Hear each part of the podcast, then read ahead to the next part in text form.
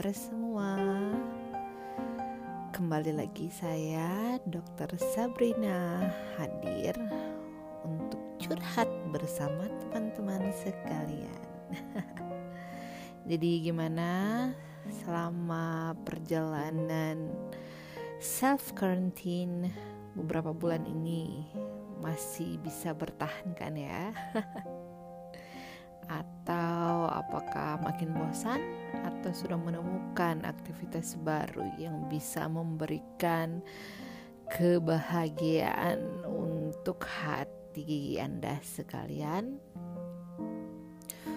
Well, um, sebelumnya saya sudah pernah membahas tentang mood dan tentang kira-kira apa saja yang bisa kita lakukan uh, saat melakukan self karantina atau isolasi mandiri di rumah.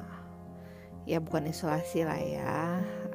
Untuk semuanya memang gerakan di rumah saja. Ya tentu saja semua para tahu ya lagi digalakkan. Uh, and whether it's a new normal or not, uh, we have to keep going lah ya walaupun ya sebisanya kita masih harus bertahan di rumah saat uh, tidak punya urusan di luar atau tidak uh, tidak perlu bekerja ya atau oh kalaupun kita harus work from home apa pun itu semuanya semoga bisa kita lakukan dengan sukacita dan hati yang gembira ya karena hati gembira adalah obat. Hmm. Oke, okay, well hari ini saya akan mencoba berbicara tentang sesuatu yang ya mungkin untuk beberapa orang ah ngapain sih mau diomongin itu atau ah hmm, nggak hmm, perlu deh ya ngebahas itu ya saya membahas ini bukan soal agama or something about religion lah ya. Ini hanya sebagai some kind of inspiration gitu. Well hari ini saya akan berbicara tentang kesaksian hidup. Ah nalo apa Apakah teman-teman semua pernah mendengar atau uh, membaca atau apa pun tentang kesaksian? Atau mungkin ya terlepas dari uh, khotbah di gereja dan lain-lain pernah nggak sih kalian tuh membaca melihat uh, mendengar mungkin di televisi di radio atau membaca buku di mana pun itu tentang kesaksian hidup. Kesaksian, kalau mendengar kesaksian itu uh, usually kita akan langsung berpikir tentang uh, miracle atau keajaiban atau mujizat. Benar nggak sih?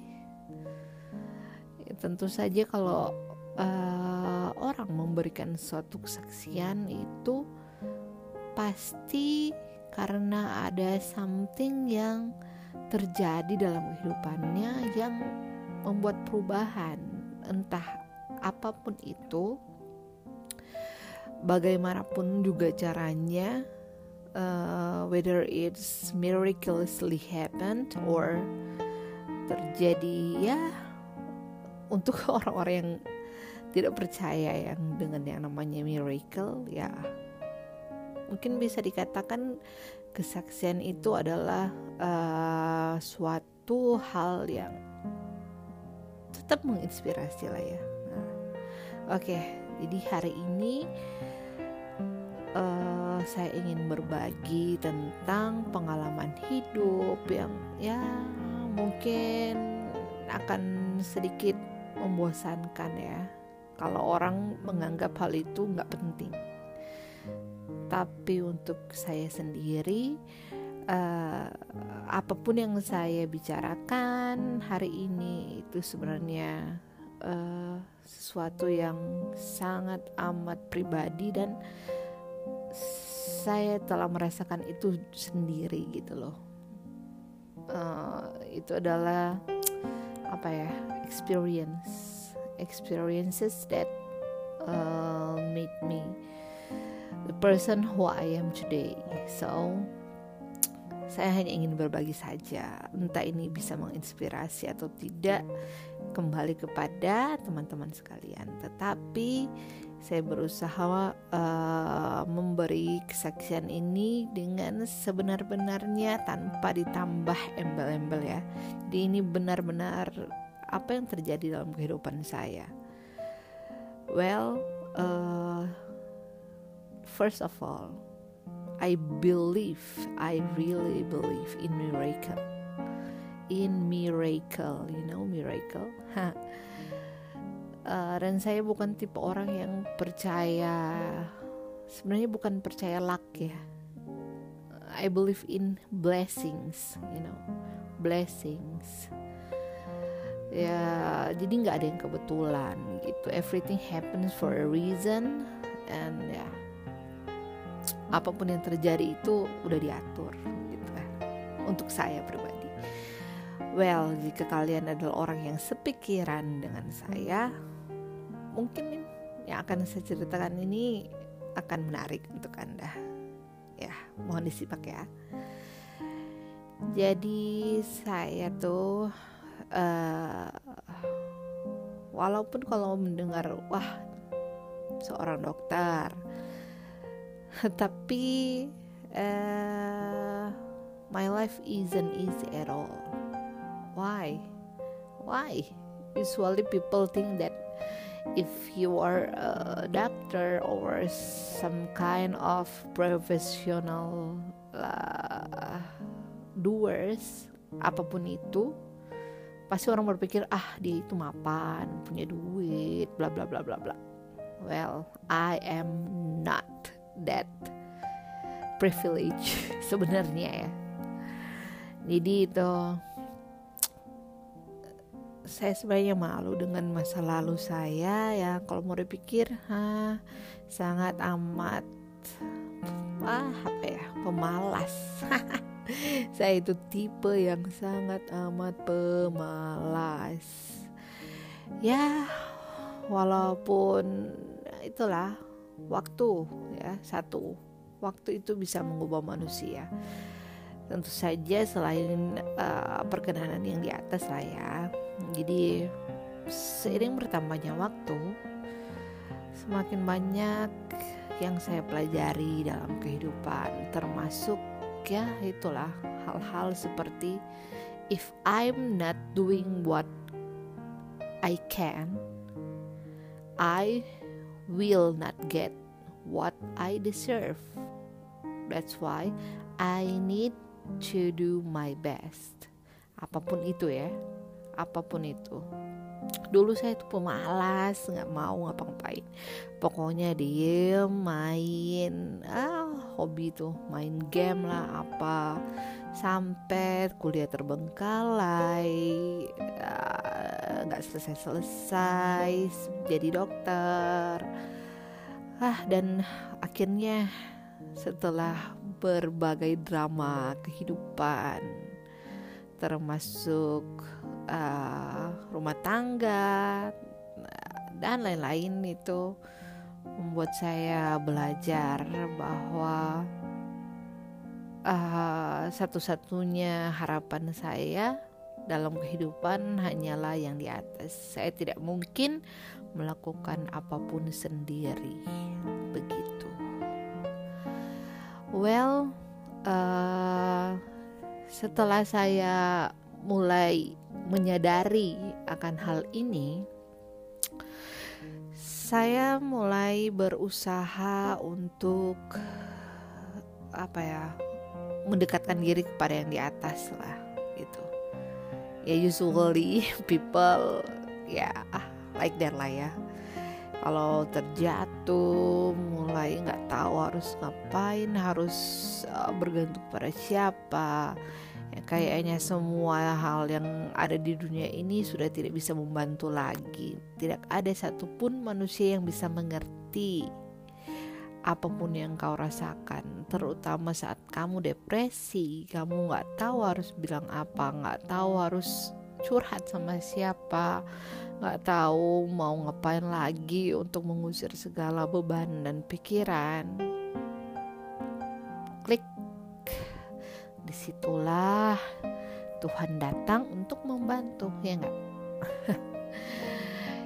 ya, in my case, uh, setelah permasalahan dalam rumah tangga yang begitu pelik, saya berusaha untuk kembali bangkit, berusaha bangkit. Di situ saya uh, mulai menjadikan permasalahan saya itu sebagai suatu uh, apa ya kekuatan baru uh, sebagai satu motivasi. Nah, ya motivasi, motivasi agar saya bisa tetap maju karena saya berpikir uh, jika saya terus tenggelam dalam uh, ketakutan, dalam trauma yang ya sebenarnya tidak bisa saya hindari lah ya. Karena itu keep coming, keep coming, dan nggak nggak nggak bisa kita bisa nggak bisa langsung melupakan begitu aja. So I need some uh, some time to make me realize that I have to do something better. I have to do something so I can uh, move on again and ya yeah, tetap hidup karena itulah manusia lah ya tetap hidup gitu apa pun yang terjadi di sekitar kita kita tetap harus berusaha untuk maju dan uh, ya itulah berkembang seiring waktu So, uh, yang pertama, uh, jadi tahun 2017 itu adalah tahun yang sangat pelik dalam kehidupan saya. Saya dibully mati-matian, dibully habis-habisan di sosmed. Dan itu benar-benar yang seluruh keluarga dan teman-teman saya bisa membaca betapa ah betapa saya itu dibully dan dengan tidak manusiawi. Pokoknya ya begitulah. Satu tahun lebih saya tidak menyentuh yang namanya sosial media terutama Facebook karena ya itulah begitu banyak kata-kata kasar menghina memfitnah bahkan bukan hanya saya pada Begitu juga pada keluarga saya, fitnah demi fitnah. Keep coming and keep coming. And then I realize kenapa saya harus takut gitu. Padahal saya nggak salah gitu maksudnya ya saya ya manusia lah ya kenapa saya harus takut sama dia gitu kan? Saya berusaha untuk bangkit. Setelah itu saya mulai menemukan jalan saya. Saya berdoa berdoa dan berdoa. Terus ya it's some kind of revelation pencerahan. Di situ saya mulai uh, ke gereja tiap hari tiap hari. Dan uh, hidup hidup saya sejujurnya mulai berubah sejak saat itu. Well saya uh, di tahun 2019 uh, di tahun oh ya yeah, 2018 itu saya mulai masuk uh, koas lagi. Itu untuk melanjutkan ke jenjang uh, dokter ya ya. Saya sebelumnya saya agak sengga agak uh, apa ya agak masih koas tapi kayak uh, males gitu. In and out lah ya. Tapi 2019 2018 itu saya bertekad kuat untuk uh, maju. Karena motivasi saya adalah saya ingin hidup saya maju supaya gak ada lagi yang bisa membuli saya atau memandang rendah saya. Itu ya dari situ saya dapat kekuatan untuk uh, moving forward lah ya. Walaupun saya belum bisa sejujurnya belum bisa melupakan trauma dan depresi saya. Depresi di 2018 itu benar-benar ya enggak ya tidak bisa dikatakan dengan kata-kata lah ya gimana rasanya. Tapi setelah saya bisa maju saya mulai berusaha untuk uh, pick up one by one. Kecil ya hal-hal kecil yang dulunya saya tidak bisa lakukan atau saya tidak mau lakukan atau saya rasa uh, ah males lah gitu. Saya coba untuk lakukan. Saya kuatkan uh, mental saya untuk maju dan segala roh-roh kemalasan itu mulai pergi satu persatu. Eh, saya lakukan segala yang terbaik gitu kan. Sampai akhirnya di awal 2009 eh, di akhir 2018 saya bisa menyelesaikan uh, perkuasaan gitu. Dan puji Tuhan di 2019 saya bisa mengikuti ujian uh, nasional ujian kompetensi dokter terus uh, gimana sih? Uh, ini keseksiannya yang mana sebenarnya? Oke. Okay. jadi setelah saya uh, uh, menyelesaikan perkuasaan saya dan harus mengikuti ujian ini saya mulai ke gereja tiap hari berdoa dan lain-lain lah ya. Uh, karena saya sangat takut saya itu penakut sekali. Saya takut menghadapi segala hal di, di dunia ini. Dan itulah yang membuat saya ya berharap kekuatan lah dari yang di atas. Ya. Sejak saat itu bulan Maret saya awalnya mulai ya, pergi ke gereja dan uh, tiba-tiba tiba-tiba banyak sekali hal yang terjadi dalam kehidupan saya. Yang pertama, uh, papa saya tiba-tiba difonis dengan uh, cancer dan kista di hati. Well, itu pukulan telak dan sangat amat wah benar-benar membuat kami sekeluarga sangat ketakutan. Dan karena saya adalah calon dokter ya waktu itu saya uh, saya mengerti dan saya tahu segalanya. Jadi saya yang paling shock yang paling takut gitu. Ya maaf. Terus uh, beberapa bulan kemudian kami tetap melakukan segala hal ya berobat ke dokter uh, mencoba yang lain-lain lah ya. Berdoa novena dan lain-lain.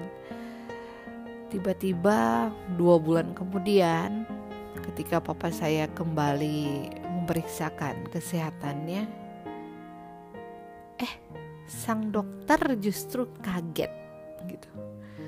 Dan berkata bapak ini sebenarnya apa sih sakit bapak gitu loh.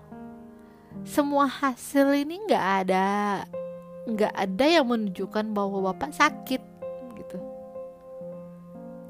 Jadi di mana dong? Bapak sakit apa sih sebenarnya?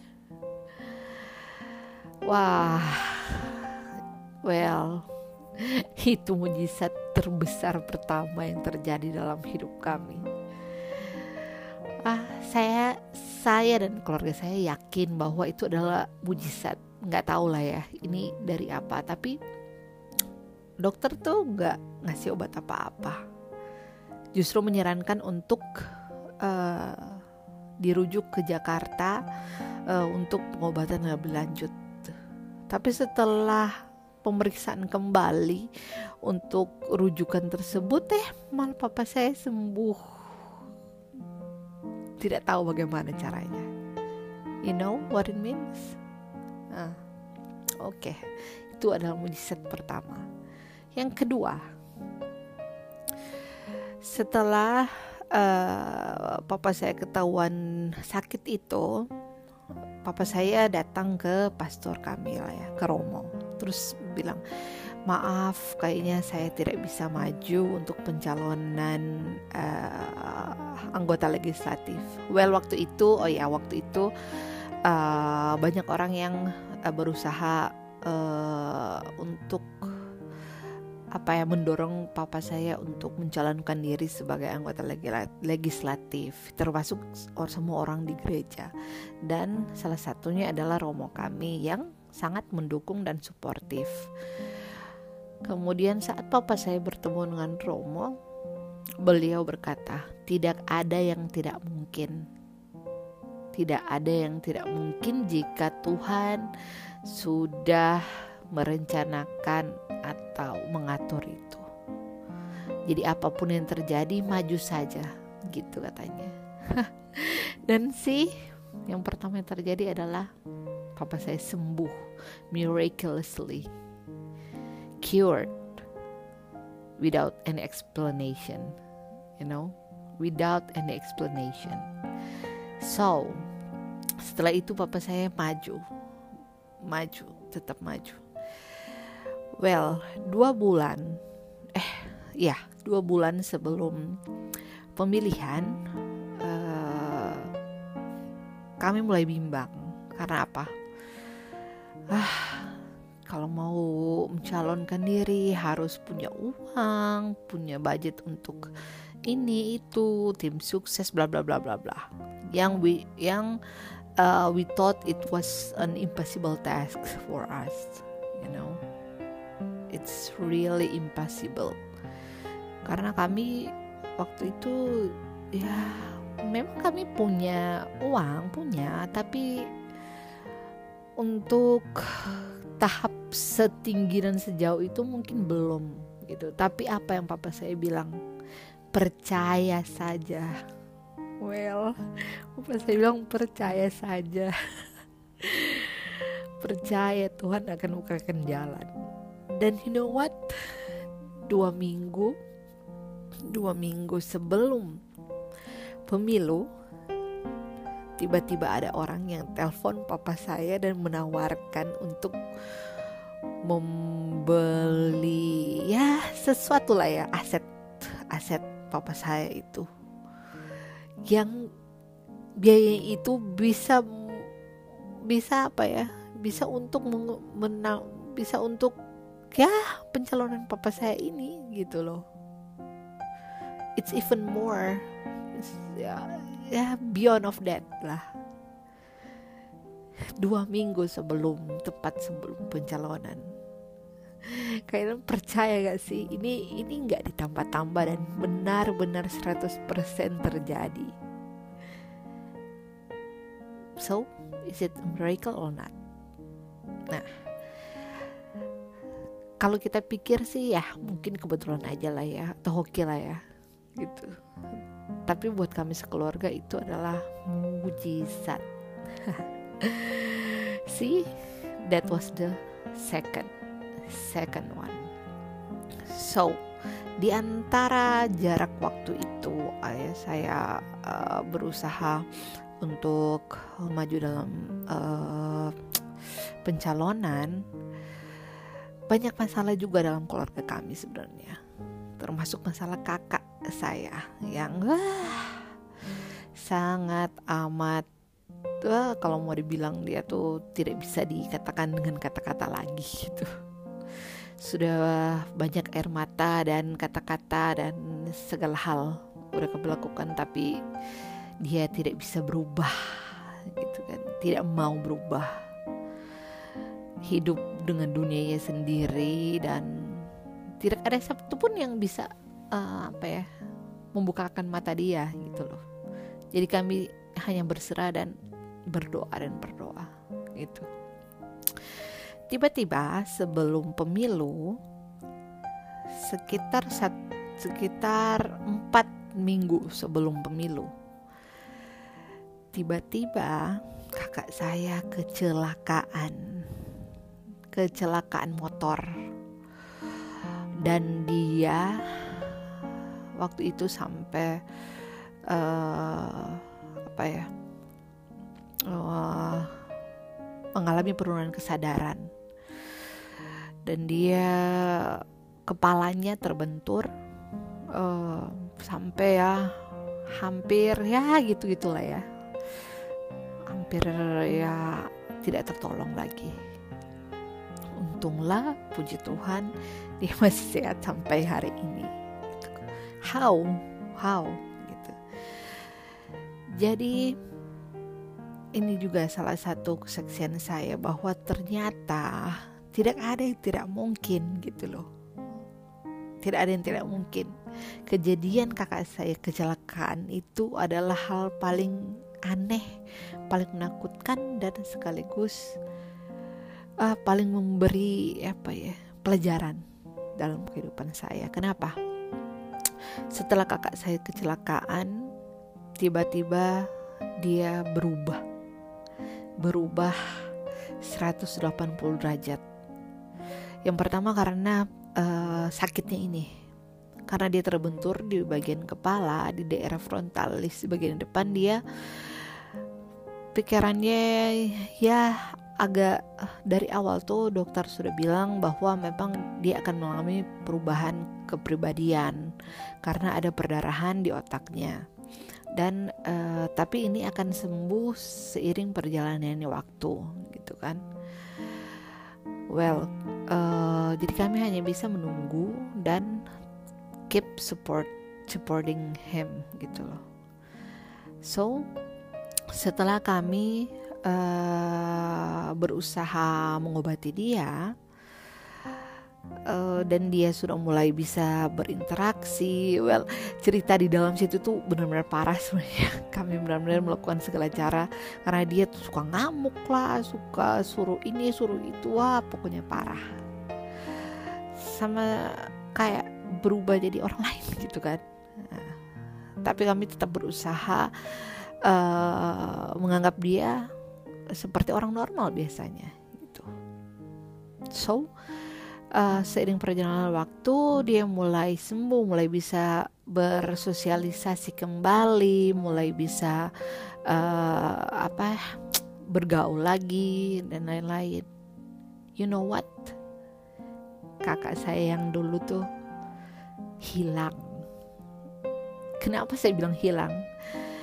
Karena ah saya mau nangis sih ngomong ini dulunya tuh kakak saya tuh nggak bisa kalau nggak apa ya seperti saya bilang tadi tuh dia nggak dia itu tipe orang yang apa pun tuh yang kami katakan nasihatkan itu nggak ada yang didengarkan. Siapa pun juga nggak ada yang didengarkan. Tapi tiba-tiba tiba-tiba dia berubah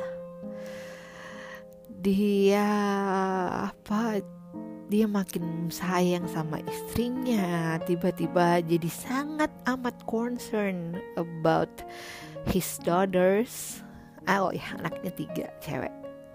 Itu dia benar-benar jadi sosok ayah yang sangat amat peduli terhadap anak-anaknya terhadap keluarganya.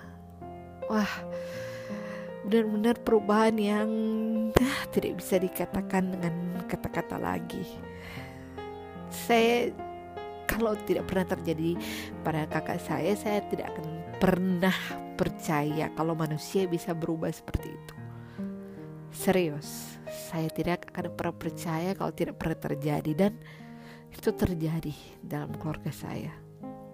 Kakak saya berubah. Dia sangat amat peduli pada keluarganya dan sangat amat beriman saat ini. Itu benar-benar saya syukuri. Sampai detik ini saya sangat amat bersyukur.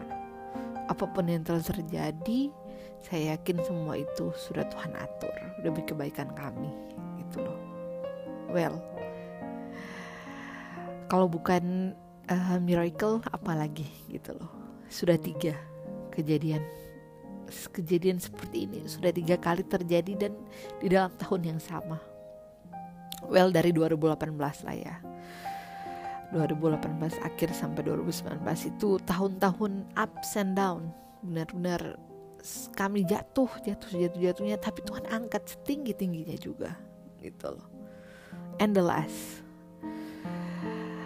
Ini hal juga yang kalau yang tadi itu terjadi pada keluarga saya, pada kakak dan uh, papa saya, satu lagi terjadi pada saya di tahun 2019. Itu saya benar-benar bersyukur sekali karena apa? Uh, dalam ujian kompetensi saya uh, dari seratusan lebih yang ujian uh, mengikuti ujian hanya 18 18 atau 19 lah yang lulus yang lulus ujian kompetensi. Dan salah satunya adalah saya. You know what? Saya nggak nggak ya gimana? Nggak nyangka. Nggak nyangka kenapa? Saya uh, adalah um, angkatan tertua dari 19 orang itu. Uh, kelompok belajar saya itu ada enam orang. Dan ya kami semua belajar uh, dengan cara yang sama gitu. Bahkan mereka lebih pintar dari saya. Mereka lebih concern lebih lebih segala-galanya. Tapi kenapa? Why? Saya lulus sendiri daripada teman-teman saya which make me ah saya sedih sebenarnya pas awal tahu. Karena saya lulus sendiri teman-teman saya nggak lulus. Tuh kenapa saya sedih? Karena kami belajar bersama kami uh, belajar sampai jam satu malam gitu. Tiap harinya kami berusaha sekuat tenaga untuk belajar. Tapi kenapa saya harus uh, lulus sendiri? Dan kenapa teman-teman saya yang justru lebih pandai dari saya lebih cekatan dan lain-lain bisa nggak lulus gitu kenapa? Why? Saya sedih gitu awalnya. Tapi setelah saya pikir kembali saya menyadari satu hal bahwa waktu Tuhan adalah yang terindah. You know what? Saya nggak pernah berpikir bahwa saya bisa langsung lulus dalam satu kali ujian kompetensi. Dan itulah yang Tuhan berikan dan buat pada saya. Orang-orang pada tanya kenapa sih kamu bisa lulus? Lulus sendiri gitu. Teman-teman kamu nggak lulus kamu bisa lulus. Apa sih rahasianya? Tuh adik-adik tingkat saya tuh pada nanya gimana sih uh, rahasianya bisa langsung lulus uh, one shot kayak PPD itu gimana sih caranya? Well sebenarnya saya juga nggak tahu gitu loh. Satu-satunya yang bisa saya jawab adalah berdoa dan berusaha. Ora et labora hanya itu aja. Semuanya itu karena uh, kemurahan Tuhan aja. Itu aja yang bisa saya jawab. Karena apa sejujurnya pada saat saya melakukan ujian itu otak saya blank. Saya ya walaupun ada ya beberapa saya bisa jawab saya tahu. Tentu pasti ada lah ya karena saya juga belajar. Tapi apa yang terjadi saat itu saya benar-benar tiap kali saya harus menjawab soal. Di komputer ya ini CBT ya uh, komputer based test. Jadi apa pun yang saya klik tuh dalam hati saya hanya berkata dalam nama Yesus. And then I clicked. Setelah itu ya udah berpasrah. Nggak bisa apa-apa lagi kan gitu. Hanya berdoa aja. Agar apa pun walaupun yang tidak saya tahu pun gitu. Semoga itu yang benar gitu. Itu prinsip saya saat melakukan ujian. And then puff you know what? Saya lulus guys. Aduh. Itu benar-benar nggak? Sampai sekarang masih amazed gitu loh. Dari ratusan orang saya bisa lulus hanya dalam sekali ujian gitu. Dan saya yang tertua pula di situ. Oh my god. Itu benar-benar kalau bukan mujizat apalagi so itu kesaksian saya jadi apa pun yang saya lakukan dan keluarga saya lakukan sehingga orang-orang melihat saat ini kami wah mereka tuh kok gini ya hidupnya kok diberkati banget ya. Wah kok mereka tuh kayaknya banyak duit apa bla bla bla bla bahagia. Well dari semua yang orang lihat di ya superficially yang hanya dari luarnya saja memang semuanya terlihat indah gitu kan. Tapi apa yang kami lewati itu nggak semudah itu gitu loh. Tetapi apa yang kami res apa ya yang respon kami terhadap semua itu yang membuat uh, mungkin kehidupan kami bisa seperti ini gitu loh bukan karena kekuatan kami semua karena kemurahan Tuhan. Tetapi itulah yang saya bilang pilihannya ada di kalian. Pilihannya ada di kita sendiri gitu loh.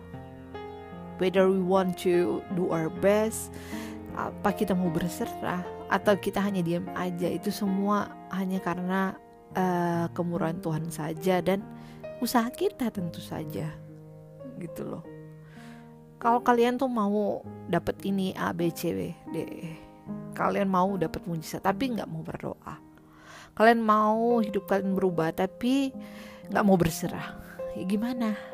Gitu loh kan. Ya untuk saya uh, orang yang ya mungkin cukup beriman lah gitu. Kami percaya itu. Keluargaku eh keluarga saya itu ya gimana ya sangat percaya lah gitu. Bahwa kehidupan kami nggak bisa berjalan tanpa kekuatan dan rahmat dari Tuhan. Dan itu mungkin itu yang membuat kami keep going keep going. Tetap berserah. Nah, dari kesaksian saya ini, saya tuh hanya berharap supaya teman-teman semua, semua yang mendengarkan saya ini juga bisa ya mendapat inspirasi tertentu lah, sekecil apa pun, apa pun itulah ya. Semoga bisa membantu secara positif gitu. Gak ada yang uh, sia-sia dengan memberikan kebaikan kepada orang lain atau memberi inspirasi yang baik kepada orang lain itu nggak ada yang sia-sia ya nggak jadi menurut saya saya bukan mau pamer atau bukan ingin uh, banyak memberikan apa ya uh, mau show off atau apa gitu enggak tapi ini benar-benar uh, justru ingin um, menyatakan bahwa apa pun yang terjadi dalam kehidupan saya dan keluarga saya itu kami itu bukan apa-apa, bukan siapa-siapa. Semua itu yang terjadi hanya karena kemurahan yang di atas dan benar-benar benar-benar terjadi gitu loh. Mau dipercaya atau enggak, whether you believe it or not, it was what really happened to our lives gitu. Semoga semua teman-teman sekalian juga bisa uh, mendapatkan ya bukan mendapatkan sih uh, apa pun yang kalian serahkan ke atas semoga itu benar-benar yang sudah Tuhan rencanakan juga dan benar-benar uh, meyakini kalau apa pun yang kita doakan itu pasti uh, akan ada hasilnya. Walaupun sekarang kita nggak ngerti walaupun sekarang kita nggak tahu apa pun yang terjadi itu apa sih maksudnya? Walaupun kita nggak tahu apa sih besok yang akan terjadi? Tetap keep going jalan aja tetap berusaha dan tetap berdoa. Itu salah satu kekuatan yang saya dapatkan salah satunya bukan salah satu sumber. Itu benar-benar sumber kekuatan saya. Dan well saya nggak tahu ya gimana teman-teman sekalian. Tapi uh, buat saya nggak ada yang sia-sia. Doa tuh nggak ada sia-sia. Nggak ya usaha tuh nggak ada yang sia-sia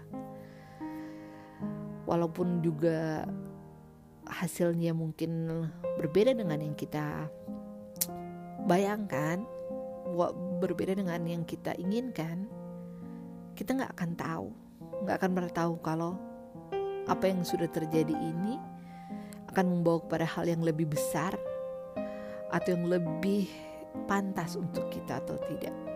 Makanya keep going. Well, ya ini kira-kira untuk saya kesaksian saya hari ini. Kalau menurut teman-teman tuh gimana? Apa kalian juga pernah merasakan hal yang seperti saya? Apakah dalam kehidupan kalian pernah terjadi mujizat? Well, menurut saya uh, mujizat itu bukan hanya hal-hal yang besar ya, bukan hanya kayak keempat hal yang terjadi yang sungguh sangat amat besar dalam kehidupan saya. Kalau menurut saya itu uh, it was bonus, bonus, you know, karena hal-hal besar yang terjadi itu memang hanya akan terjadi satu dua kali gitu dalam kehidupan kita. Tetapi sebenarnya mujizat mujizat mujizat kecil yang terjadi itu udah ada, hanya kita aja yang nggak melihat. Kayak saya tuh uh, sempat berpikir kayak gini. Satu hari saya ingin ke gereja pagi-pagi, saya hampir terlambat jam 6 pagi, kurang 5 menit saya baru keluar dari kos. Baru mau ke gereja. Wah saya kayak kalang kabut. Waduh udah mau terlambat. Eh tiba-tiba begitu saya mau keluar pintu ada mobil di depan yang nunggu. Terus tiba-tiba uh, ada teman sekos keluar. Terus dia bilang eh kak mau ke mana pagi-pagi ini aku bilang oh mau ke gereja tuh di depan gitu. Terus dia bilang oh ya udah kak ayo ikut bareng. Itu grab uh, grab aku kok. Mau ngantar ke rumah sakit. Yuk kak barengan aja. Well you know what? It was a miracle for me at least for me it was a miracle you know what karena di saat aku perlu ternyata tada ada yang memberikan tumpangan gitu loh ya hal-hal kecil seperti itulah contohnya jadi sebenarnya sebelum kita mengharapkan hal-hal besar yang terjadi, lihat dulu sekeliling kita. Ada nggak sih hal kecil yang bisa kita anggap sebagai mujizat? Or even it is not a miracle, it is a blessing or not? Gitu.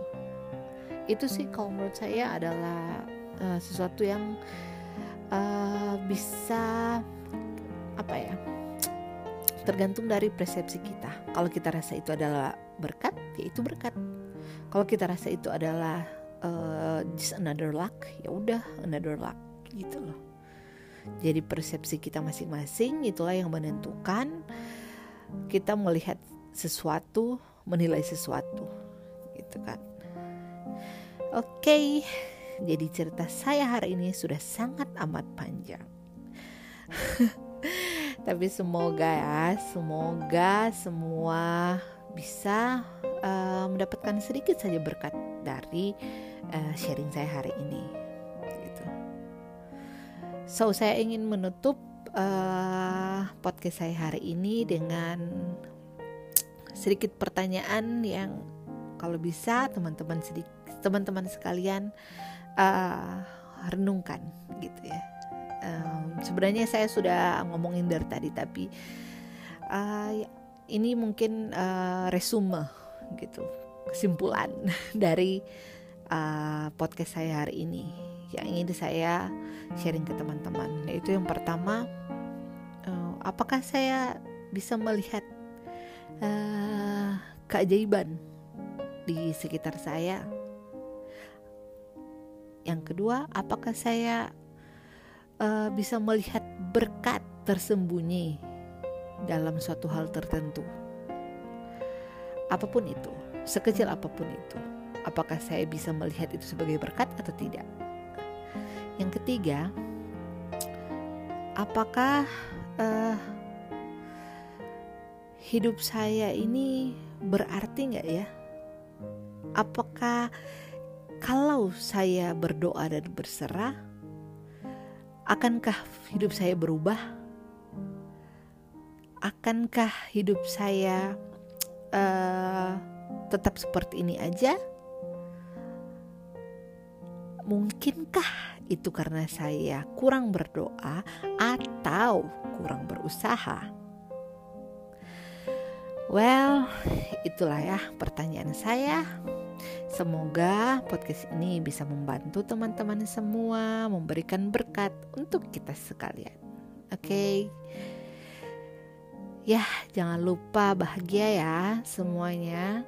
keep safe and God bless you bye bye